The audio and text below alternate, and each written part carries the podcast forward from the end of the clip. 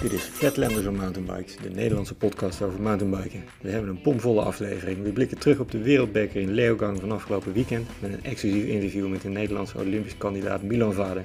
Ik ben Paul Wicht en ik maak deze podcast samen met Jeroen van Eck, die na dit weekend door alle wetkantoren op de zwarte lijst is gezet. Je kan één wedstrijd goed voorspellen, twee misschien. Als je de drie goed voorspelt, dan zou je wel geluk hebben, maar als je alle vier goed voorspelt, dan is er echt iets aan de hand. Hoe, uh, hoe had je het zo goed kunnen hebben, Jeroen? Ja, ja, ik denk toch goed inlezen. Ik denk dat dat uh, de eerste stap is. Ik had natuurlijk gekeken naar de resultaten, uh, ook al van vorig jaar. Uh, maar ook naar de afgelopen twee wereldbekers in Alpstad, Novo Mesto. En een beetje parcourskennis. We hadden het natuurlijk gehad over dat het echt wel een klimparcours zou zijn. Dus lichte ja. mensen zouden sowieso wel een voordeel hebben. Plus ik had Vlukingen ook in de andere internationale wedstrijden al goed zien presteren. Ja. Um, dus ja, dat ik die goed had. Tuurlijk, Van de Poel was er niet, Pitcock was er niet. Um, maar ja, hij won ze wel allebei de dubbel. En dat is sowieso super uniek. Want er is er slechts één die dat eerder heeft gedaan. Weet jij wie? Van de Poel? Ja, inderdaad. Van de Poel is de enige die zowel de short track als de cross country in hetzelfde weekend uh, heeft gewonnen. Ja. En dat doet Vlukingen nu ook. Ja. En bij uh, ja, de vrouwen eigenlijk identiek. Uh, Le Comte wint zowel de short track als de, als de cross country wedstrijd ja, dat is iets beter dan uh, Provo die vijfde werd in de cross country en uh, die dertiende werd geloof ik ja in de cross country. Dus jij zat er iets verder naast deze ja. keer. Nou ja, maar voordat we over de wedstrijden gaan hebben uh, en gaan we eerst even kijken waar we zijn. We zitten hier op een plek waar denk ik menig fietsenmaker jaloers zou zijn. Het is de, de werkplaats van Jeroen hier in Nijmegen. Um, nou, er staan hier de meeste mooie fietsen, e-mountainbikes, cross-country mountainbikes. En zit je hier veel? Ja, ik zit hier eigenlijk wel heel erg veel. Um, toen we dit, uh, nou, ik wil eens een schuurtje noemen, want het is uh, een serieuze ruimte. Ja. ja, ik heb dat samen met mijn vader helemaal ingericht, uh, bedacht. Hoe, wat willen we hebben, hoe willen we het hebben, welke gereedschap hebben we nodig, hoe gaan we zoveel fietsen kunnen opbergen. Ik wilde nog een stukje hebben waar ik mijn krachttraining kon doen. Uh, dus ja, hier komt eigenlijk alles samen waar uh, menig fietsliefhebber jaloers op is, ja. Ja, nou, een hele gave plek. En uh, sowieso Nijmegen een mooie plek om, om te fietsen. Ja, daar kan jij over meepraten vandaag, hè? Ja, ja, ik moest een duurrit doen. Ik moet eerlijk zeggen dat ik een beetje een haat-liefde verhouding heb met de racefiets. nou, in de eerste plaats vind ik wielrennen op tv kijken fantastisch. maar om het te doen, en zeker, nou, ik woon zelf in Amsterdam, dus dan kom je toch vaak in de Noord-Hollandse polder uit ja, dan is het toch al erg lange wegen rechtdoor. En uh, ja, de, als mountainbiker verlang ik soms toch wel wat meer naar een bocht. Maar uh, ja, hier in Nijmegen is wel echt uh, mooi fietsen. Een mooi rondje door Duitsland kunnen maken. Dus, heb je nog de, want ik had jou iets doorgestuurd over, het of de ronde van Nijmegen. Heb je daar ja. nog iets van aan gehad? Ja, ik heb een paar stukjes afgesneden, want okay. ik moest natuurlijk nog een podcast opnemen. Maar ja. Nou, ik denk uiteindelijk iets van 140 kilometer uitgekomen. Okay. Dus, okay. nou, ik ga hem straks op Strava even terugkijken. Ik ben benieuwd hoe jij in mijn achtertuin de weg hebt kunnen vinden. Ja. Oké. Nou, waar gaan we beginnen? De, Ja. sh- de short track bij de, bij de dames. Ik denk het wel, ja. Laten we denk ik heel even stil nog staan bij... Vorige keer hebben we het gehad over alle disciplines die er zijn. Ja, In deze podcast behandelen we voornamelijk de short track en de cross country. Omdat we nou ja, het wereldbekerweekend en straks de Olympische Spelen volgen. ja. De Spelen alleen maar de cross country Olympic, dus de lange afstand. Maar eh, in een wereldbekerweekend dus ook een short race op de vrijdag. Ehm, ja, het rondje een kilometer, in dit geval 35 hoogtemeters. Het was eigenlijk één lange klim omhoog. Ehm, Ja. Bovenaan hadden ze een soort van pumptrack. Dus eigenlijk een soort van BMX-baan met kleine heuveltjes, eh, jumps erin, kombochten erin. Eh, Zijn er dan ook eh, mountainbikers die daar ietsje meer of ietsje minder zin in hebben? Zoals je dat bij zo'n lange klim wel hebt, dat de lichte mountainbikers denken van yes, hier Nou, kan je- ik verschil maken. Is dat bij de pumptrack ook zo? Nou, ik denk dat het pumptrack te kort was om daar echt het verschil te maken.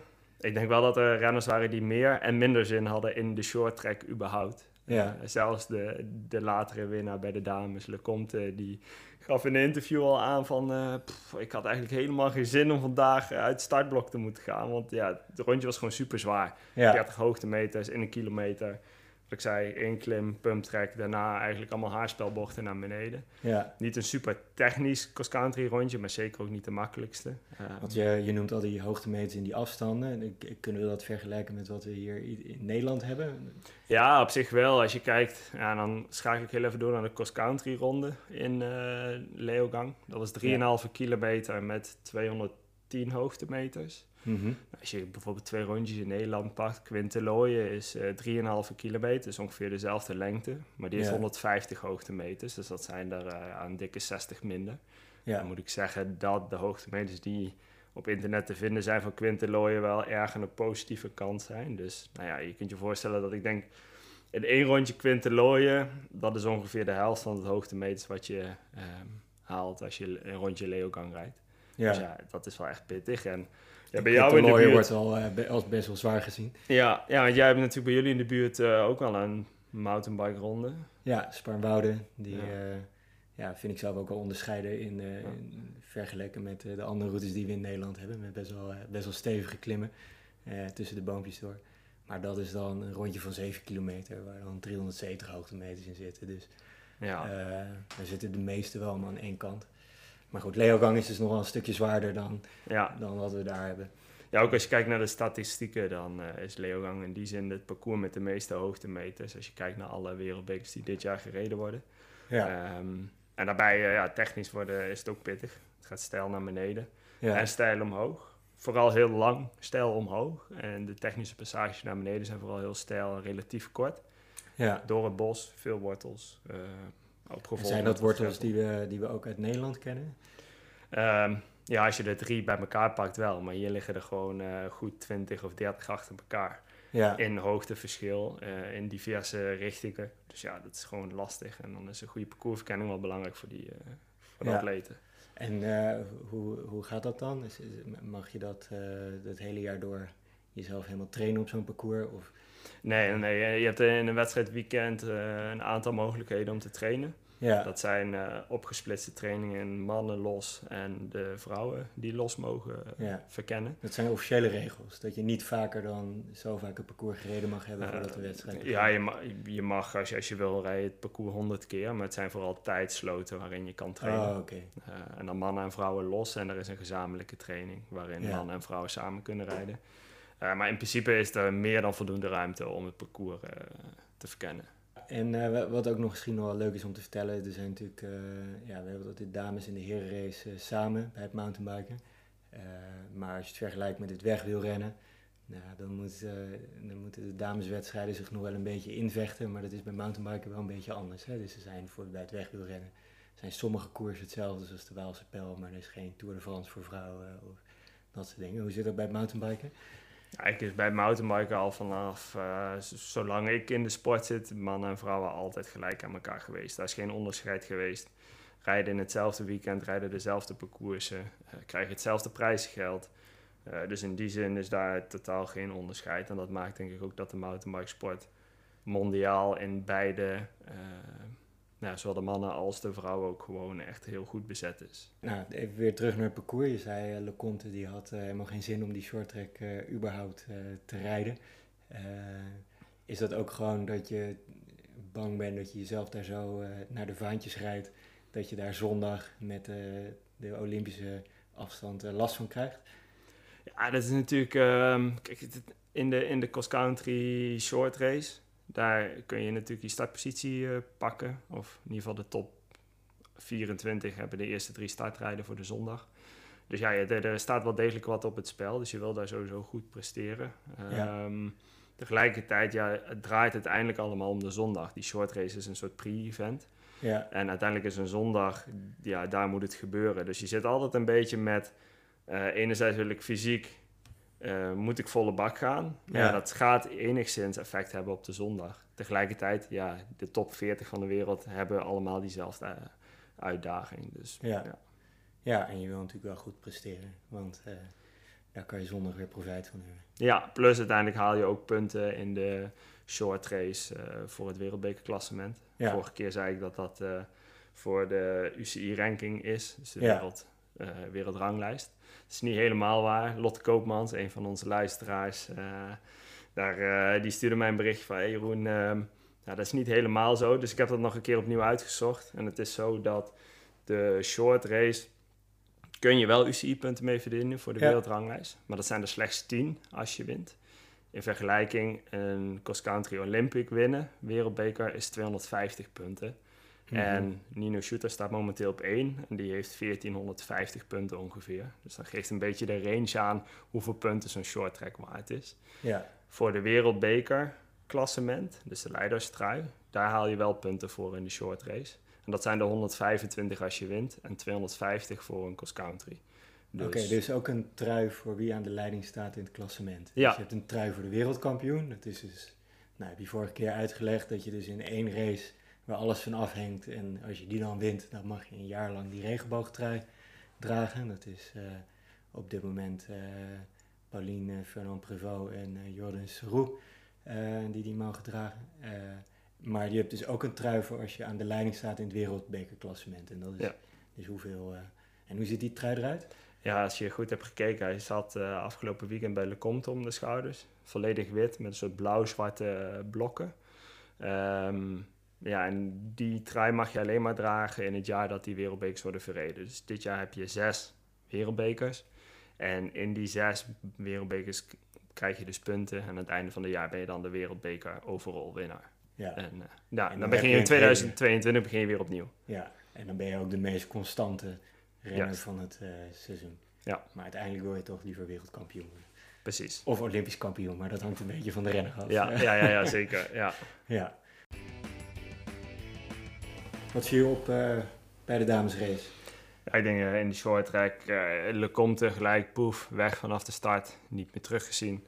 Het leuke Ja. was wel dat zij in haar, in haar interview naar de hand, zei ze van ja, ik keek echt op tegen deze wedstrijd, ik wilde niet starten, want het was zo'n zwaar parcours. Ehm, maar ja, uiteindelijk rijden en ze wilde natuurlijk de benen testen. Van hoe verhoud ik ze mij tot de rest, ook na aanleiding van natuurlijk de eerste twee wereldbekers die ze won.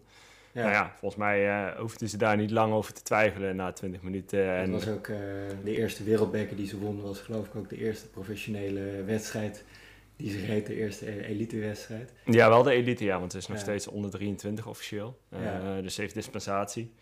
Ja, en dan even kijken, de strijd daarachter, die was op zich die was wel interessant. Ja, Met ik denk toch wel een hele mooie, bijzondere comeback van Jolanda Neff. Dat is Ja. iets wat me wel opviel. ja, want die hebben vroeger veel gezien, maar die was eh, even een tijdje wat minder zichtbaar. Ja, ze heeft even een tijdje in ieder geval buiten de camera's gereden. En dat is toch vaak eh, de eerste tien, die vallen wel, eh, ja, die vallen nog binnen het blikveld van de camera's op Red Bull TV. Zwitserse uh, multi-wereldkampioen. Ja. Vrouw, wielrennen, cross-country, eh, veldrijden, ze doet van alles. Maar ja, ze is weer terug. Of in ieder geval, ze heeft laten zien dat ze, dat ze nog steeds ja, potentie heeft om mee te doen voor een eh, medaille. Ze reed eigenlijk naar een derde plek.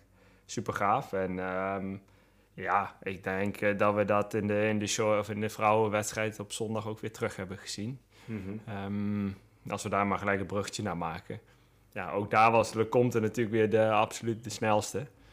Eh, en was het ook wederom een mooie, mooie strijd om het podium. Ehm, uiteindelijk las ik op social media dat Nef een aanval plaatste om voor de tweede plaats te gaan. Maar ze viel en daarmee de hand brak. Ja, Dus ik wil-. Ja, middenhandsbeentje. En dat bleken er later zelfs twee te zijn. Dus Ja. twee breuken in diezelfde middelvinger.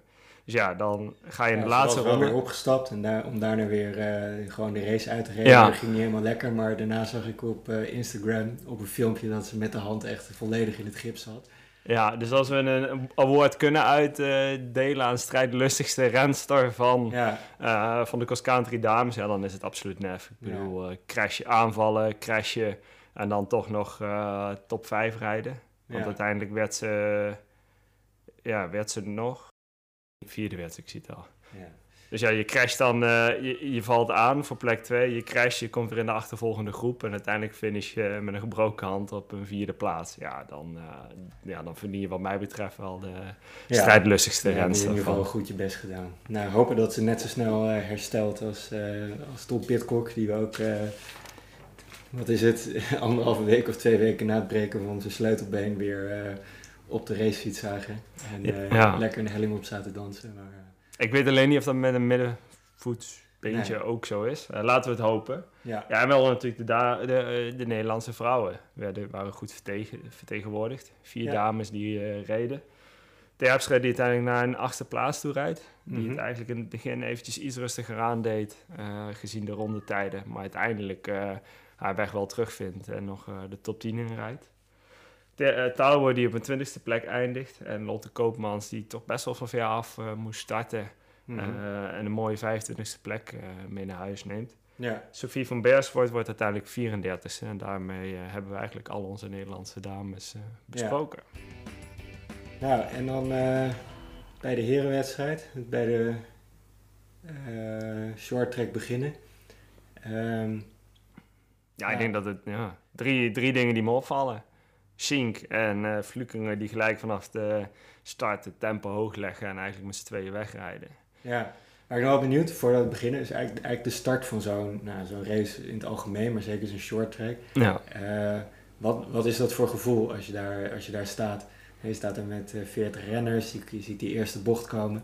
Eh, hoe, eh, hoe is dat?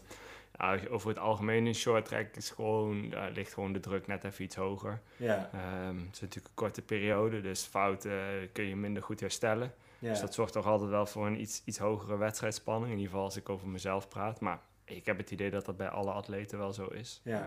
Ehm, Is, Ja, is er bij short track überhaupt zoiets als indelen of is het gewoon maximaal knallen? Nou ja, op zich is short track nog relatief... eh, ik, het is toch nog wel een tactische wedstrijd. Afhankelijk een beetje van het parcours. Eh, kijk, in Nove Mesto was het voorheen altijd redelijk vlak, lang, breed. Dus iedereen blijft bij elkaar. Groepsvorming. Lastig om uit, uit het groepje weg te rijden. Maar als je hier naar Leogang kijkt met zo'n lange klim erin... Ja, dan ontstaat gewoon al heel snel een eh, verschil in niveau. En als je dan een Flukingen of een Shink bent die echt volle bak omhoog ramt... Ja, dan eh, ontstaan daar gaten. En dan, dan kun je nog een tactiek hebben of tactisch rijden. Maar uiteindelijk moet je die jongens gewoon volgen. En, ja.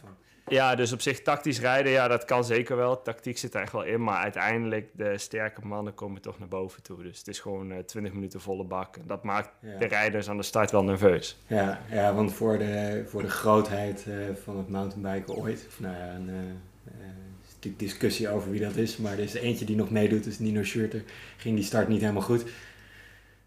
Nee, die, eh, die, ja, die, volgens mij schoot hij eerst uit zijn ene pedaal. Toen corrigeerde hij dat en schoot hij uit zijn andere pedaal. En lag hij na 15 meter al eh, achteraan. Ja, Ehm, ik las later ook op zijn social media dat, ja, dat, dat, dat die slechte short race ook echt wel effect heeft gehad op zijn cross-country wedstrijd. Want uiteindelijk heeft hij in de short race nooit meer vooraan eh, komen te rijden. Of dat nou fysiek de belemmering was of misschien mentaal, ja, dat, dat kon ik aan de beelden niet zien. ja. Ehm, uiteindelijk werd hij moment zag ik hem 29ste. wel een beetje, eh, Ja, volgens mij zag ik hem een beetje freewheelen met zijn, eh, ja, met zijn ploeggenoot Forster. Ik geloof dat ze 29ste en 30ste werden. Ja, Ja, daarmee mis je de eerste drie startrijden. Rijden. En op zich, ik snap, snap Nino dan ook wel weer. Want de eerste 24 gaan dan voor de, de eerste drie startrijden. En daarna gaat het weer op Ja, basis van de... op die derde rij zit. Nou ja, daarna gaat het op basis van de UCI-ranking. En hij staat bovenaan. Dus Ja. hij wist of hij nou 29ste of 35ste in die short race ging worden. Hij wist toch dat hij plek 25 op de start zou hebben van de cross country. Ja. dan kun je op een gegeven moment er ook voor kiezen om wat rustiger aan te doen, energie te sparen en dan de cross country goed te rijden. Ja. Oké, ja, en eh, als we het nu gaan hebben over degenen die vooraan stonden. Nou ja, Sink- en Flukingen die reden natuurlijk weg in vanaf het begin al. En daarachter had je een achtervolgende groep waar uiteindelijk eh, Milan dan in de laatste ronde zijn aanval plaatst en nog een mooie Ja. derde, weg, derde plek wegpakt. Ja, want Sinke die, nou, niet de jongste meer, maar die hebben, ja, als ik naar zijn uitslagen kijk, vorige jaren was dat hij altijd wel hoog, maar niet, niet echt vooraan. Maar eh, zeker dit weekend eh, kleurde hij wel de, de race. Ja, zeker. Kijk, als je kijkt naar het palmares van Sink, eh, die heeft wel echt een serieus een aantal keer op podium gestaan in een wereldbeker. Vorig jaar niet zozeer, maar de jaren daarvoor echt wel. Ja. Nog even een uitstapje gemaakt naar eh Bahrein, waarin hij eh, op de weg de Tour de France nog heeft gereden. Ja. Als klimmer ook. En dat zie je nu ook terug in deze wedstrijd. Leeuwgang is gewoon een, ja, echt een veel hoogtemeters. En ja, dan geeft hij er ook volle patat aan.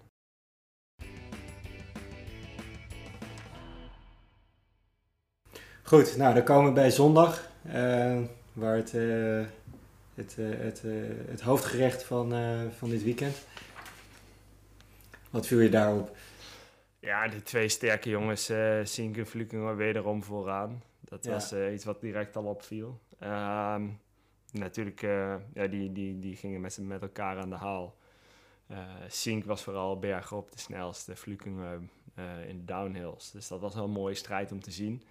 Ja, en ook wel respect voor Anton Cooper, een Nieuw-Zeelander, die eigenlijk de hele wedstrijd een beetje niemandsland rijdt. Die rijdt echt tussen de kopgroep en de achtervolging in. En ja, dat moet je mentaal uh, ook maar aankunnen. Ja, blijkbaar uh, kon hij dat goed. Want hij had, er, hij had veel goesting, zoals de Belgen dat zouden zeggen, om ja. uh, te koersen. Dus dat viel me, ja, ook dat viel me wel op. Wat is daar mentaal zo zwaar aan? Moet je dan kiezen om je niet af te laten zakken? Of... Ja, kijk, je bent denk ik te snel geneigd om als je een beetje tussen wal en schip rijdt, ja. om dan een, ja, een tempo te pakken wat comfortabel is. Maar ja, je rijdt wel in de top 10 in een wereldbeker. Dus je kunt niet een comfortabel tempo pakken. En op het moment dat je met jongens om je heen rijdt, dan zijn dat vaak ook wel een soort van externe trigger om door te blijven gaan. Ja. Nou ja, als dat wegvalt, dan heb je alleen jezelf nog. Dus dan moet je jezelf blijven aanspreken om te blijven pushen. Dan kun je denken, oké, ik wil naar de kopgroep toe. Dat is denk ik een helpende gedachte.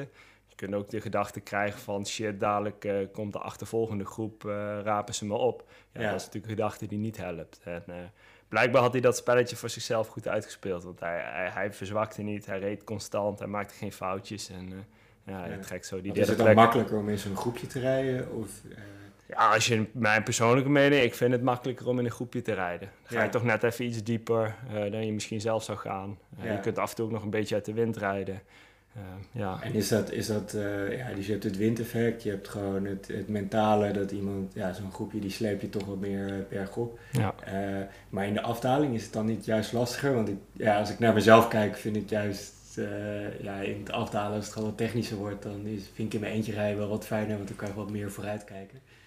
Ja, ik denk dat dat in zo'n wedstrijd iets minder uitmaakt. Die jongens kennen het parcours allemaal goed. Ja. Dus uh, ik denk dat ze... kunnen dat ook gewoon met een ogen dicht. Uh, ja, ja, bij wijze van spreken wel, denk ik. Um, ik denk dat het, ik denk toch wel zeker dat daar eigenlijk een positief effect aan zit om in de groep te rijden. Ondanks dat je dan in de afdalingen samen rijdt. Je ziet ja. wel vaak dat daar strijd is hoor. Net bovenaan, voordat je de afdaling indraait, zie je toch veel renners nog proberen vooraan te komen. En die jongens ja. weten van elkaar wie technisch sterk is. En dat wordt vaak wel uh, hiërarchisch uh, snel duidelijk ja. bovenaan. Oké, okay, nou en dan uh, ja, de, de beste Nederlander in koers, die natuurlijk een fantastische short track heeft gereden. Hoe ging die, in de, hoe ging die op zondag? We gaan dadelijk ook nog luisteren naar een interview met Milan zelf. Dus dan krijgen we nog wat meer in, in-depth ja. analyses van de wedstrijd. Maar goed, uh, als je kijkt naar zijn de rondetijden, ja, dan zit hij er in het begin gewoon gelijk goed bij. Um, maar ja, in de tweede ronde, ja, wat we op tv zagen, is natuurlijk dat hij viel. Uh, of in ieder geval mechanische ze. En nou, uiteindelijk weten we nu dat het een valpartij is geweest. waardoor hij eigenlijk een heel erg stuk terug naar achter valt, plek 38. Maar van daaruit wel weer naar voren toe zijn opmars maakt. En uiteindelijk nog als 14e weet te eindigen met een vierde snelste rondetijd. Ja. Dus ja, fysiek zit het bij die jongen wel goed. Dat kan ja. niet anders. Ja. Maar dan zou ik natuurlijk toch wel graag willen weten wat uh, er met Milan Vader gebeurd is. Uh, die zit in nummer 8 van de wereldranglijst op dit moment uh, in Livigno op hoogtestage. Maar hij heeft gelukkig tijd vrijgemaakt om met ons te, te bellen. Milan, hoe is het ermee? ja, goed. Zeker. Uh, het is echt super goed weer, dus dan uh, zit ik meestal sowieso wel goed in mijn vel. Ja, dat, uh, dat scheelt altijd een hoop. Want waar zit je? In Livigno. Livigno, oh ja. Ja. Dat, ja. ben ik wel een paar keer geweest met, met skiën. Oké. Okay. Maar ik ken het vooral als één groot dorp, hoog boven ja, ja, want in Italië ligt het waar je voor heel weinig geld uh, benzine, uh, drank en Ja, dat klopt. Ja, ja. ja dat, dat laatste doe ik dan niet zo, maar... Nee. uh, ik, ik zit trouwens ook niet in Livigno zelf, maar in uh, Trepalle. Dat is een dorpje ja, boven, bovenop, zeg maar. Hoe hoog is dat, Milan? tegen de 2100 meter aan. Is dat ter, ter voorbereiding op Leger of al voor de Spelen? eigenlijk voor de Spelen. Ja. Maar ik ben hier voor Livigno ook, of, uh, voor Leogang ook al een weekje geweest. Ja. Uh, heb even een korte onderbreking gehad, zeg maar. Oh, dus eigenlijk heb jij Leogang gereden met al een week hoogtestage in de benen? Ja, ja. Oh, respect. Ja. ja, als je een goed plan maakt, dan kan dat prima. Ja, Want, uh, waarom uh, is dat zo lastig? Want het heeft behoorlijke impact op je, op je lichaam, zo'n uh, hoogtestage. Ja, je, je, je lichaam gaat gewoon aanpassen. En je hormonen zijn altijd traag, dus meestal heeft dat een paar dagen de tijd nodig, zeg maar. Dus vandaar dat je de eerste paar dagen op hoogte altijd rustig aan moet doen. Ja. Uh, en daarna gaat, dat, ja, gaat je lichaam eigenlijk pas herkennen dat je op hoogte bent. Ja. Uh, en dan komt de vermoeidheid en dat soort dingen komen pas later. Uh, ja. Ga je dan weer terug naar C-niveau of naar laagte, ja. dan heb je hetzelfde effect. Dus dan moet je altijd, nou ik heb nu wel genoeg ervaring omdat ik genoeg hoogtestage heb gedaan, maar je moet altijd wel, ja, precies weten welke dag je goed bent en welke dag je ja, minder zou kunnen zijn, zeg maar. Ja. Nu heb ik voor mezelf daar wel een soort van patroon in ontdekt. Uh, dat ik wel weet van, oh ja, dit kan ik wel of dat kan ik niet doen. Ja, ja dus je zegt uh, dat je, ja, hoogtestage doe, doe je natuurlijk om extra rode bloedcellen aan te maken, maar ja. als je dan weer van hoogte verandert, dus zowel van laag naar hoog als Ja. van hoog naar laag, ja, dan heb Ja. je even een paar dagen de tijd nodig. En dat is ook belangrijk als renner, dat je dan goed bij jezelf leert herkennen waar dat eh, moment zit. Ja. Ja. Ja, En had je die, eh, die sweet spot, had je die voor Leogang perfect getimed? ja eh, ik denk het wel. Alleen de vraag is, dit is wel iets wat, ik, eh, wat nieuw was voor mij, omdat ik maar een weekje op hoogte ben geweest. Of die sweet, pot, sweet, sweet spot dan net zo effectief is als na drie weken hoogstage bijvoorbeeld. En is dat dan iets Ja. wat je ook bewust zo doet, zodat je dat in Leger nog kan testen? Eh, nee, voor de Leger weet ik wel eh, hoe dat gaat uitpakken, denk ik. Ehm, ik- ja, nee, ik had gewoon hetzelfde effect verwacht. Eh, in ieder geval zo'nzelfde soort patroon, en dat klopt ook wel. Ik denk dat dat het effect alleen iets minder was. Ja. Maar als je nu, als we even een beetje inzoomen op Leogang. Ja, Ja. ik met een wheelie over de finish in de short race. Je werd natuurlijk derde.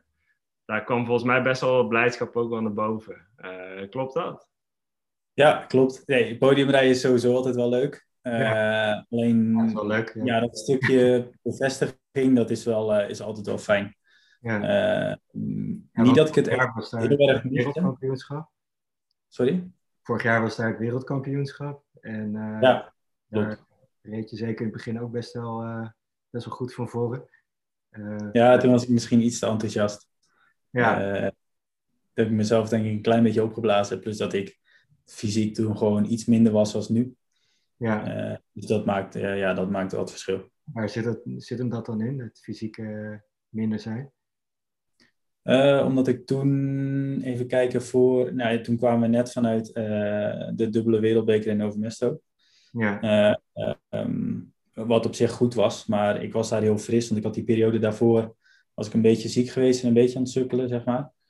Ehm, waardoor ik niet superveel heb kunnen trainen. Ehm, dan heb je in zo'n dubbele wereldbekerweek, zeg maar als Novemesto, heb je ook niet heel veel tijd om, om veel te trainen, zeg maar. Dan is het ja, vooral wedstrijdrijden en herstellen.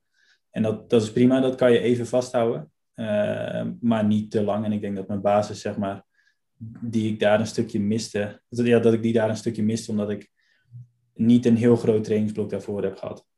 Ja. En hoe sta je dan eh, nu aan de start in eh, deze short race? Nou, Eh, ja, ik, ik wist nog niet zo goed wat ik ervan moest verwachten. Eh, dus ik was gewoon vooral met mezelf bezig.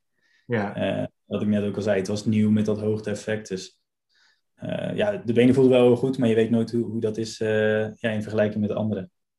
En tactisch heb je volgens mij best wel bijgeleerd, hè? Waar je in het begin de eerste short race gewoon vol erin vloog. Begin nou echt een volwassen renner te worden. Ja, ja, tuurlijk. Eh, ik heb altijd wel fouten gemaakt en dat, dat moet je volgens mij ook doen. Nou, het zie je Eh. ook hoor, die aanpak. Ja, nee, klopt. Dat hoor ik wel van meer mensen. Dat, ja, als je het niet probeert, dan weet je, het- dan weet je het sowieso niet of het, eh, of het was gelukt. Ehm, maar nee, dat heb ik wel in mijn achterhoofd. Achteraf gezien denk ik wel dat als ik iets meer van voor was gestart, zeg maar. Of dat ik aan die eerste ronde eh, wel van voorbij zat. Dat ik nog beter eh uit zou had kunnen rijden. Eh, want nu bleef ik zeg maar heel de tijd rond plek 12 rijden. Maar heel de tijd rond plek 4 of heel de tijd rond plek 12, dat maakt niet zo heel veel uit. Ehm, ik, en ik denk dat ik dan, als ik meer van voor had gezeten, dat ik wel met die aanval van nou ja, Matthias en Sink mee had kunnen gaan. Ja, ja. Zo voelt het in elk geval wel. Ja, uiteindelijk, uh, nou, die laatste klim omhoog ging wel echt, echt goed hard, laat ik het zo zeggen. Is, is Leogang een uh, parcours wat je, wat je ligt? Uh, ja, ik zou eigenlijk zeggen van niet. Heel veel mensen zeggen van wel, vanwege mijn, ja, vanwege mijn lichaamsbouw, dat ik toch wat lichter gebouwd ben. Ja. Um, maar juist, en dat is denk ik ook de reden waarom het in de short track zo goed ging, um, die, die kortere klimmen, dat toch wat meer explosieve, uh, richting een minuut, twee minuten, dat ligt mij heel goed. Ja. En, en zeker nu, omdat we daar richting Tokio meer op hebben getraind. Ja, slim. Ja, want wat is je favoriete NTB-parcours of je favoriete wereldbeker? Uh, ja, dat is een goede vraag. Die vraag krijg ik wel eens vaker, maar ik zou echt niet kunnen kiezen. Ja. Sowieso, Nova Mesto is wel mooi, omdat ik daar altijd goed heb gereden vaak gaat dat denk ik wel hand in hand. De wedstrijden waar je mooie uitslagen rijdt, dan uh, dat is vaak ook je favoriete parcours. Mesto is technischer, maar minder hoogte. Ja, dat past denk ik wel iets meer in het straatje van wat ik net zei over die klimmen. Uh, dat ze niet super lang zijn. Uh, ja. Uh, ja. Of is nee, dat best het eigen verhaal van ja, je traint nu voor Tokio, wat wat meer korte klimmen zijn. Dus ja, dan doe je het daar ook wel weer beter. Maar als je meer voor lange klimmen zou trainen, dan ja. Ja. ja, we hebben dit jaar wel echt duidelijk gekozen om ja, voor een spe specifieke aanpak voor, voor Tokio, zeg maar. Ja. Uh, en dat hebben we al in het begin van het jaar, bijvoorbeeld Banyoles, de eerste wedstrijd gezien. Ja, daar ging het ook echt super makkelijk. Goed, had ik een lekker band in de voor- laatste ronde. Maar uh, tot dan toe, zeg maar, had ik echt uh, een gevoel van overmacht. Ja. En, en dat, ja, dat waren ook kortere klimmetjes, zeg maar, zoals we ook in Tokio gaan zien. Ja, hoe zat dat uh, van het weekend op de zondag in de cross-country wedstrijd? Want toen zat je er in het begin ook goed bij. Staat, ja. Sta je natuurlijk wel ja, vertrouwen aan de start. Na die denk, van de short track. Ik denk dat ik mezelf ietsje heb, uh, ja, misschien heb laten afleiden. Want uh, Matthias voor me, die was een beetje aan het klungelen, zeg maar, ook in de klim. ze moest nog een keertje van mijn fiets af. ja, hij, sowieso liet hij een gat vallen met de eerste twee, met Zink en Cooper. Mm -hmm. um, en ik wilde graag die aansluiting houden. Uh, maar ik, ik weet niet of hij dat niet kon of dat hij dat bewust niet deed. Um, maar misschien heb ik me daardoor iets te, nou, mijn aandacht een beetje te veel gelegd op het inhalen van Matthias. In plaats van uh, ja, gewoon rustig blijven en, uh, en later op een breed stuk wel een keer er voorbij gaan. Ja. Ah, misschien heeft dat me een heel klein beetje uit mijn focus gehaald, ja, waardoor ik dus ben gevallen. Zou dat kunnen. Was de, de eerste de startronde zat je erbij en eigenlijk met het ingaan van de tweede, ja, de eerste, echt, eerste of de tweede pittige afdaling. Uh, de Bongo Bongo, dacht ik, met al die wortels, daar, uh, Ja. daar ging het mis. Ja, Ja, want het was tijdens de race niet helemaal duidelijk. Je was ineens teruggevallen van eh, naar plek 30. En ja, een beetje speculeren of je materiaalpech had of eh, ja, iets anders. Maar je was dus gevallen. Ja, klopt. Ja, ik, ik weet niet precies hoe het nou is gekomen. Het staat wel op film, dus ik moet er nog even terugkijken. Ja, Eh, ehm, maar ja, het zou goed kunnen dat ik met mijn stuur eh, een klein boompje heb geraakt, waardoor ik over de kop ben gegaan. ja, Eh, dat weet ik niet precies. Maar ik kwam wel vervelend neer, echt eh, recht op mijn hoofd, zeg maar. Ik had daarna ook nog zo'n... eh, na de wedstrijd haalde Victor zo'n zo'n hele klont modder uit mijn helm. Oh, ja. ja. Dus ik had ook eh, niet de reflex of, of de tijd om, om met mijn handen mezelf op te vangen, zeg maar. ja, het ging Ja. zo snel. Ja, dus ik heb ook echt even 20 seconden, eh, denk ik, liggen kreunen zonder dat ik eh, adem kon halen. Oh joh. Ja, ja, mijn rug ging ook nog een beetje de verkeerde kant op dubbel, zeg maar. Eh, dus ik had eerst even, mijn eerste gedachte was van oei, eh, volgens mij is het klaar. Eh, toen heb ik even een tijdje liggen kreunen en toen ging het op een gegeven moment weer op. En is Ja. er dan iets van een stemmetje in je hoofd wat zegt van, ja, ik ga toch weer opstappen? Of Ja. drijft je dan om toch door te gaan? Ja, dan zie ik mezelf al eh, naar de tent toe lopen, zeg maar. En terwijl de rest nog aan de race is. Ja, dat lijkt me ook niks. Dan, dat, dat vind ik nog veel vervelend. Dan, Ja, denk ik, dan eh, moeten we maar, ja, we moeten maar doorgaan en het maximale eruit halen. Dus dan stap je weer op en dan is het eerst weer in je ritme komen. Of vanuit een soort van adrenaline ram je gelijk weer op die pedalen volle bak naar voren. Nee, dat is wel, daar heb ik ook wel geleerd vanuit het verleden. Om dan ja, niet gelijk als een maloot eh, vol gas te gaan en dan een rondje later geparkeerd te staan. Eh, dan, dan neem je gewoon even alles door in je hoofd van, goh, hoe lang is het nog? Nou, het begin van de wedstrijd, oké. ik moet het ongeveer zo indelen. Waar zijn de makkelijke punten om in te halen, zeg maar. Maar dat is dan vaak wel een probleem. Je kan, ja, soms is het verstandiger om op een single track net even iets rustiger aan te doen, zodat je dan in de klim wat meer energie hebt om, ja, waar het wel breed is, om, om jongens in te halen. Uh, dus ben je meer op dat soort manieren ja, bezig met je wedstrijd. Ja, want vandaar ja, je, je, je, rondetijden gaan eigenlijk steeds, worden steeds beter en beter. Je gaat mensen inhalen en dan, dat voelt sowieso lekker. Zeker als er uh, op een gegeven moment vijf of zes in een ronde zijn. Ja, dan rij je uiteindelijk nog weer terug naar plek 14 met uiteindelijk ook nog een ronde tijd waarin je als de vierde snelste tijd neerzet. Dus ja, dat, ja, fysiek zit het volgens mij wel goed, als ik het zo... Uh... Ja, ja, ik heb ook even naar de rondetijden gekeken naar de wedstrijd. Daar was ik wel heel benieuwd naar. En kijk, achteraf is het altijd makkelijk praten, maar deze keer durf ik toch wel met heel veel zekerheid te zeggen dat ik podium had gereden. Oh. Uh, in ieder geval, ja, zo, zo voelde het wel. Dus ja, dat is aan de ene kant jammer. Uh, baal ik ook zelf van. Dat ik, ja, want uiteindelijk is het een fout die je zelf maakt. Uh, als ik niet had gevallen, dan, dan had het er een stuk beter uitgezien. Want dus voor je aankomen dat je concentratie gewoon wat minder goed is en daardoor ook wat minder goed Nee, nee eigenlijk niet. Om, vooral ook omdat het nog maar in het begin van de wedstrijd was. Ja. het is gewoon ja, een domme fout, denk ik. ik denk dat het stukje met Matthias dat het ook wel een rol heeft gespeeld. Eh, dus ja, dan is dat ook weer iets wat ik naar de volgende keer meeneem. Ja, misschien kan je er nog wat berusting in vinden. Ik hoorde later nog een interview van Matthias dat hij de eerste rondes echt niet uh, lekker in zijn ritme zat. Dat hij uh, ja. eigenlijk mentaal een beetje zichzelf vermoeidheid in praat, omdat de short race zo heftig voor hem was geweest. En als je nu ook met dat wetende de beelden terugkijkt, dan zie je ook dat ja, hem in de eerste ronde echt onder druk zette. En uiteindelijk komt hij beter in de wedstrijd en maakt hij het toch nog af. Ja. Oké, ja dan. Dus op zich, jouw constatering, ja. Eh, ja. daar kun je wel aan vasthouden. Dat, dat ondanks dat je aan het afzien bent, je ook nog uh, goede rijdersanalyse in de wedstrijd hebt. Want hoe, hoe ja, ja, dat had ik nog gehoord. Als er zo iemand als Matthias rond je heen een beetje zit uh, ja, te klooien, moeilijk te doen, hoe heeft dat dan een impact op jou?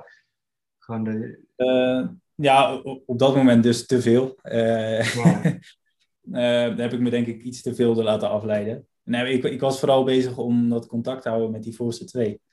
en het was best wel een lang stuk single track. Ja. Mm, dus ik was wel echt aan het kijken van, nou ja, waar zijn de momentjes dat ik, dat ik voorbij kan. Toen was er heel even een momentje waar het ietsje breder werd op de klim. Um, dus toen wilde ik hem voorbij, maar ja, toen zette hij gelijk de deur dicht. Toen was het zo stel dat ik moest afstappen. En dan is opstappen wel weer, dat is 25% volgens mij daar zo. Uh, en ook nog eens een beetje van die losse gravel. Dus ja, om dan weer op gang te komen, dan verlies je ook weer tijd. Ja. Uh, ja, dan heb ik het ook weer snel dichtgereden. Dus ja, uiteindelijk veroorzaakt dat ook een beetje vermoeidheid, denk ik, bij mij. Uh, dus ja, volgende keer gewoon even relaxen en ja ja, ergens anders. uh, ja, als je dan naar je rondetijden kijkt, dan uh, geeft het natuurlijk wel weer veel vertrouwen voor de, voor de volgende wedstrijden. Want je ja. grote doel is uh, Olympische Spelen. Of, ja. Ja, en wat? Ja, en het liefst een, een medaille. En als het even kan, een gouden. Ja, want wat, wat heb je nog op de planning staan qua, qua voorbereiding? Wat wil je nog doen? wat wil je nu is het alleen ehm, Um, ik, ben, ik blijf op hoogte tot aan Lycée, zeg maar. Uh, en na Lycée rijd ik alleen nog Spaanwouden in Nederland. Uh, dus qua wedstrijden valt het wel mee. Uh, is ook wel iets wat ik, nou, uit de laatste jaren is het wel gebleken dat aanpak op hoogte goed werkt. en dat het voor mij ja, vooral gewoon rendeert dat ik, of als ik heel veel ja, train, gewoon uren maak op hoogte en kwalitatief goede trainingen afwerk. Um, dus ja, daar ga ik me vooral mee bezighouden. Ja. Nog één laatste vraag. Is het fysiek zwaarder om een wedstrijd te rijden of sommige trainingen af te werken? Uh, Laat ik hem anders stellen. Als jij met die mannen mee bergop rijdt, doet dat dan meer pijn in de wedstrijd of in een training als je ongeveer zo'nzelfde training wilt simuleren? Ik. Uh... Goh, dat is, dat is echt een lastige vraag, zeg. Ja, ja, misschien ook omdat ik het zelf ook altijd aan het zoeken ben. Ja. Ja. Ja, vind ik lastig. Het is anders. Misschien is het ongeveer even zwaar. Kijk, bij een wedstrijd ben je natuurlijk helemaal uitgerust en ben je topfit. Um, en dan, goed, natuurlijk ga je ook zo hard als je kan. Bij een training is dat soms anders, omdat je ja, met blokken van meerdere dagen werkt. Dus het kan best zijn dat je twee of drie dagen achter elkaar zwaar traint. Uh, ja, en dan is het ene Ja, dat is natuurlijk ook wel zo. Ja. ja. Een berg oprijden met vermoeidheid in de benen is gewoon, ja, dat is een soort van zeurende pijn. Daar waar het uh, in de wedstrijd, als ik het zelf interpreteer, een soort van piekpijn doet. Weet je, net op de moment dat het is zo'n key moment dat je dan even door moet bijten. Ja, precies. Dan kan je echt, echt in de zuurstofschuld komen, zeg maar. En dat kan in trainingen ook wel, maar vaak als ik ja, mindere benen heb of pijn in de benen, dan is het ook gewoon vaak echt vermoeidheid. Van, van heel veel intervallen of, of heel veel lange duur. Of nou, gewoon dat je uitgeput bent, zeg maar. Ja. jij gaat zo naar de osteopaat, geloof ik, hè? Even ja, alles weer checken. Zorgen dat het lichaam weer ready is. Ja. De komende trainingsblok. Ja. Dan uh, gaan we het weer volgen in Leger. Uh, Spaanwouden, als ik hoorde. Nou, die staat ook op mijn agenda, dus uh, nou, ik kan kijken hoeveel minuten smeren ik krijg van uh, een Olympiagang. ik heb ja. nog, nog, een vraag over Spaanwouden, want je hebt daar altijd wel goede uitslagen gereden. Ja. ook volgens de Nederlandse luisteraars, want die komen waarschijnlijk minder vaak op een wereldbekerparcours. Hoe, hoe vergelijk je zo'n Spaanwouden nou met een, met een wereldbekerparcours? ja, het is vlak. Het is vlak. Ja, het, toch nee, het verschil, het verschil is echt wel in, de, in het aantal hoogtemeters. Ja. Uh, internationaal heb je vaak veel meer hoogtemeters. Um, um, het is ook echt een, echt een snel parcours. Uh, is heel veel fietsen en ook dat is vaak anders. Ja. Kijk, bij Novenos heb je heel veel natuurlijke wortels bijvoorbeeld. Ja, daar ligt de snelheid gewoon heel laag. Uh, waar we het in Nederland vooral moeten hebben van ja, een aantal aangelegde hindernissen, zeg maar. Ja. Uh, maar ja, dat heb je natuurlijk nooit over het hele parcours. Dus de, snelheid ligt daar een stuk hoger. Ja, wel een mooie voorbereiding op Tokio. Want die klimmetjes uh, Spaanwouden zo, halve minuut, 40, 50, ja, 40 seconden. Klopt. Dat was ook de bedoeling, inderdaad. Ja, kijk, kijk, kijk. We hebben hem er. we hopen vooral dat het gewoon uh, ja. allemaal vlot gaat. En dat je lekker herstelt en mooie trainingen de komende tijd gaat afwerken. Ja. En dan gaan wij het weer volgen in Leger. Ja. Nog één laatste ja. vraag. Uh, ja, deze mount, uh, podcast heet Flatlanders on Mountainbikes. Want uh, er zit natuurlijk een beetje een tegenstelling in van wat doet een Nederlander op een, op een bergfiets. ja. Hoe heb je, jij komt uit Zeeland, dat is ook best wel vlak. Hoe, heeft mm -hmm. hoe heb je daar leren mountainbiken? Ehm, ja, ik, ik heb daar vooral gewoon plezier gehouden in het mountainbiken. Omdat we een leuke club hadden. Ja. Ehm, maar echt, echt leren mountainbiken voor het niveau waar ik nu uh, op zit, zeg maar. Ja, dat, dat is wel daarna gekomen pas in Limburg. En als ik heel eerlijk ben, ook wel voor een groot deel sinds dat ik bij de ploeg, mijn huidige ploeg, ben gekomen. Ja. Nog gewoon meer, nog meer in het buitenland te zijn, nog meer met ja, ja, goede technische renners om je heen te trainen, zeg maar. Ja, nou cool. Dus kent toch ongekende mogelijkheden, dit, uh, dit platform. ja, maar net dat je zelf wil, zeg maar. Ik denk dat er heel veel mogelijk is. Nou, heel erg bedankt uh, voor je tijd, uh, Milan. En, ja, geen dank. Ja, top. Nou, heel vet dat Milan vanuit zijn hoogte stage hier even tijd voor wilde maken. Zo maak ik ook een mooi brugje naar het volgende onderwerp ja, we gaan uh, elke uitzending uh, een mooi uh, stukje over materiaal doen. Nou, een groot onderdeel van de mountainbike is natuurlijk de rijder zelf, die zo goed mogelijk voorbereid moet zijn op vermogen leveren. En één deel van de training is de hoogtestage. Dat is in het wegwielrennen is dat bekend. Vlak voordat je de grote ronde gaat doen, heb je een week of wat op hoogte. Op Tenerife is het natuurlijk populair om die vulkaan steeds op te fietsen. Ja, hoe zit het eigenlijk met mountainbiken? Wordt daar een hoogtestage gedaan? Ja, ja kijk, hoogtestage heeft het meeste effect voor duursporters. Ja. mountainbiken nog altijd binnen de duursporttak valt. En ja, explosief duursporten. Eh, explosief, ja, een duursporten met, een met veel explosiviteit, laten we het zo, laten we het zo uh, omschrijven. Um, en, en het wordt in, eigenlijk in het mountainbiken heel veel gedaan. Ja. Uh, diverse, in diverse fases van het jaar ter voorbereiding, voornamelijk. Ja, wat dat eigenlijk doet is, uh, op hoogte heb je gewoon minder zuurstof in de lucht. Dus je lichaam moet harder werken om zuurstof binnen te krijgen. En dat stimuleert het lichaam om uh, rode bloedcellen aan te maken. Nou, meer rode bloedcellen zorgt weer voor een makkelijker transport van zuurstof. Meer zuurstof ook. En zuurstof is uiteindelijk een brandstof om te kunnen presteren. Ja, dus het is eigenlijk een, uh, een beetje een natuurlijke vorm van. Uh, nou, het is natuurlijk niet helemaal natuurlijk, want je, je moet je er wel aan blootstellen. Maar een beetje hetzelfde effect wat EPO doet. ja, je, bloedcellen. Uiteindelijk verhoog je je hemoglobinewaarde. En, en dat is eigenlijk hetzelfde wat EPO doet, alleen dit is een, ja, in een natuurlijke vorm natuurlijk. Ja. Nou, ik heb zelf in de vorige podcast verteld dat ik ook bergbeklimmer ben. Nou, dan hoort acclimatisatie is daar natuurlijk een heel groot gedeelte van, zeker om überhaupt op die hoge bergen te komen. Uh, maar ik weet ook dat op hoogte zijn is, uh, ja, je wordt er niet fitter van. Uh, dus het is ook een beetje een balans. En zeker als je naar hele hoge bergen gaat, dan kan je zo hard achteruit dat je daar ook wel weer rekening mee moet houden. Hoe zit dat eigenlijk bij het fietsen? Ja, wat ik weet is dat je per duizend meter dat je in hoogte stijgt, ja. Uh, moet je lever je 7% van je zuurstofopname uh, in. Ja. Dus nou ja, dan gaat het best wel hard. Leger, uh, de eerstvolgende wedstrijd is op 1200 meter, dus daar ga, ga je al wel wat voelen. Ja. Eh, maar de grootste, ja, de, de, grootste effecten voel je tussen de, ja, wat is het, 1500 en 2500 meter. Mm -hmm. Ik geloof dat de meeste mountainbikers zo tussen de 2000 en 2500 meter hoogte verblijven. Um, en dan wel op laagte trainen. Dus dat is live high, uh, train low principe. Oh ja? Ja, ja, daar zit ook nog wel weer verschillen in. Er zijn eigenlijk drie benaderingen die je kan doen. Uh, ja. Je kunt ook op hoogte zitten en op hoogte trainen. Um, of dus op hoogte zitten en dan op laagte trainen. Of je blijft op laagte, maar je stimuleert het hoogte door middel van een uh, hoogte tent of een zuurstoftent. Ja. Dus er zijn wel wat meer foefjes voor. Maar ja, het werkt wel voor ieder lichaam verschil. Uh, ik heb één keer uh, hoogte, hoogte uh, voorbereiding gehad. Dat was richting Andorra, dat was het wereldkampioenschap. En dat, ja. dat was echt wel op, ik geloof, 17 of 1800 meter hoogte. Dus toen heb ik het vooral gedaan ter acclimatisatie. Um, voor mij waren de effecten wat minder, maar dat had er ook mee te maken dat ik toen 200 stoken verstandskiezen had. En ja, dat werkt ja. natuurlijk niet mee in het herstel. Nee. En herstel je goed als je op, op hoogte zit? Nee, veel minder.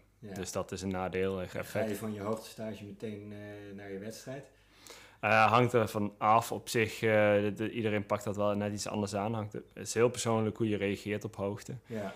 Het is wel zo dat ja, ja, hoogte duurt gewoon, zorgt gewoon voor dat je minder snel herstelt. dus op het moment dat je weer op zeeniveau bent, dan zul je ook daar weer eventjes ja, pas op de plaats moeten maken ja. voordat je volle bak ehm, ja, aan de gang gaat. met uh, Milo Vader over. Dat hij gewoon ja. heel veel hoogtestages heeft moeten doen om goed te kunnen inschatten wanneer er een soort sweet spot was tussen ja, van je hoogtestage terugkomen, herstellen en dan maximale effect voordat het effect ook weer uh, uh, weg begint te appen. Ja, maar dat is het. Hè. Het, is, uh, het is een tijdelijke uh, boost die je krijgt. Het is niet zoals je eenmaal op hoogte bent geweest dat je daar altijd profijt van nee. blijft houden. Nee. nee. Nou, grappig. In bergklimmen gaat het toch wel anders. Er zijn eigenlijk twee methodes. Er is de westerse methode en dat is eigenlijk hoog klimmen en laag slapen. Dus je gaat elke keer ga je de hoogte in en om, om dan vervolgens weer af te dalen zodat je uh, daar weer wat kan herstellen. Want ja, je, nou, dan gaat het vaak om wel wat extreme hoogtes van boven de 4.000, 5.000 meter ja, dan is je eetlust ook gewoon helemaal weg. Uh, en dat is toch wel belangrijk dat je dat blijft doen. Uh, en er is de Russische methode door gewoon zo hoog mogelijk te gaan en dan daar te slapen en dan, nou, dan hopen dat je net niet doodgaat. Uh, en dan af te dalen. En, nou, het, Wat is jouw aanpak geweest? ja, ik volg er altijd de westerse methode. Wat, maar dat ga, gaat dan vooral voor bergen in de Alpen, waarbij het, ja, er vaak niet zo heel veel van afhangt. Um, het, is, uh, het lijkt me altijd nog wel leuk om een keer een, uh, echt een berg in Himalaya uh, te beklimmen. Ja, een beetje voor de context. Een berg in de Alpen, ja, die gaat tot, tot nou, 4,5, bijna 5000 meter. Dan heb je het wel gehad. Nou, dan heb je er al flink last van, want daar heb je ongeveer de helft van de zuurstof dan op zeeniveau. Dus het gaat echt niet snel meer. maar als je in de Himalaya gaat klimmen, dan heb je het vaak over bergen van over de 8000 meter. Nou, dan moet je daar ook gewoon weken de tijd voor nemen voordat je überhaupt er ook maar aan hoeft te denken dat je een toppoging kan wagen. En in de Alpen heb je daar uh, minder, uh, ja, moet het in een week wel lukken. En als je extreem fit bent, dan kom je er ook wel gewoon doorheen. Uh, voor mijzelf is mijn hoogste berg was ruim 6000 meter. Het was een hele... Knap hoor. ja, onplezierige ervaring met koppijn en, en niet, niet, niets meer willen eten en niet meer weten wat je... wat onder en boven is, maar nou ja. nou ja, ja wat dan een leuke vergelijking. Kijk, op het moment dat jij op hoogte bent, ja. dat is het moment dat jij moet presteren. Ja. Dus iedere keer als jij verder die berg omhoog gaat, ja, dan zul je daar een bepaalde uh, aanspraak doen op het herstel en de batterij die je hebt. Dus je gaat dan inderdaad weer naar beneden om die batterij bij te vullen, om weer vervolgens iets hoger te kunnen. Ja. De meeste atleten die de hoogte voor het mountainbike gebruiken in hun voorbereiding, die, die zijn daar niet om een topprestatie neer te zetten, maar vooral om die, die zuurstofopname te triggeren. Ja. En dat is dat ze dus vaak weer naar beneden gaan om daar wel een kwalitatieve training te kunnen doen. Ja. Dat is wel grappig, een andere approach, maar ja, zo zie je wel dat hoogte veel effect kan hebben. Een, een totaal ander doel, maar inderdaad wel goed om te weten, ook voor de amateur die misschien wat... Uh, uh, nou, voor mijzelf trouwens ook, voor de race die ik deze zomer ga doen. Dat is, uh, nou, daar hebben we nog niet echt over gehad, maar dat is een mountainbike marathon in Italië, waar je ook best wel een eh, paar bergen van boven de 3000 meter moet, eh, op moet fietsen. Eh, daar zou het wel goed zijn om een beetje geacclimatiseerd te zijn. Ja. ja, en in ieder geval te weten wat het fysieke effect is als je dus inderdaad ook op hoogte bent. Dat je niet kan verwachten dat je vermogen bij omslagpunt en je hartslagen hetzelfde zijn, want het is gewoon niet zo. Je lichaam moet gewoon harder werken, dus je kunt ook minder hoog presteren in absolute waardes. Ja, nee, goed om rekening mee te houden. Mooi. Nou, dat was weer leerzaam materiaalhoekje voor deze keer. We gaan uh, richting een afsluiting. Nou, uh, Leger is uh, over twee weken, van 3 tot 4 juli. er is eigenlijk nog heel weinig over parcours bekend, dus, nou, dus we TCT wil weer een nieuwe aflevering maken waarbij we wat meer gaan doorspreken over wat er daar te doen staat. heb je nog verder plannen komende weken, Jeroen? Ja, ik ben, vooral, ja, ik ben vooral in de voorbereiding zelf op de, op de komende Wereldbeker um, e-bike in uh, 17 en 18 juli, ook in, uh, in Frankrijk. En verder rijd ik nog de, de Three Nations Cup in Spaanwouden. Nou ja, goed, uh, Milan Vader staat er ook aan de start, dus ik ja. denk dat ik nog even een paar, een paar keer.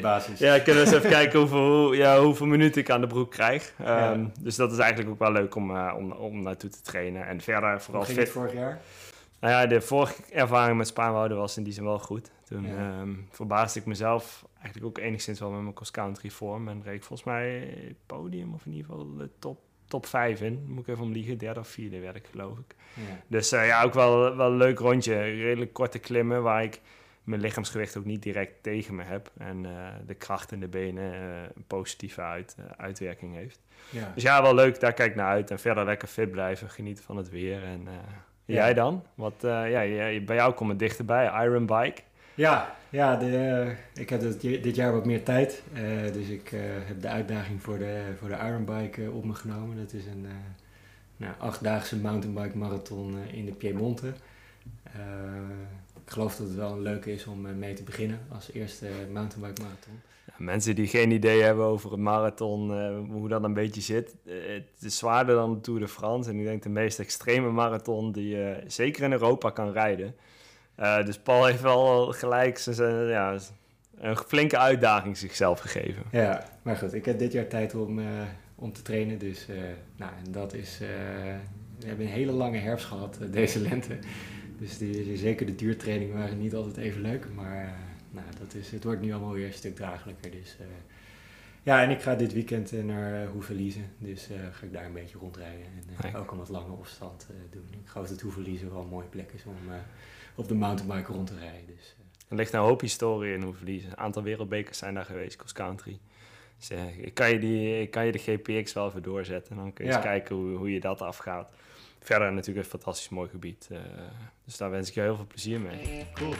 Nou, dat was het dan weer. Dit was Flatlanders, de Nederlandse podcast over mountainbiken.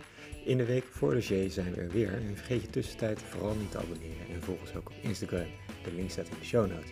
Mocht je een brandende vraag hebben over wedstrijden, materiaal of over training, of wil je laten weten wat je van deze podcast vond, zet het in de review of stuur ons een berichtje. Tot de volgende keer.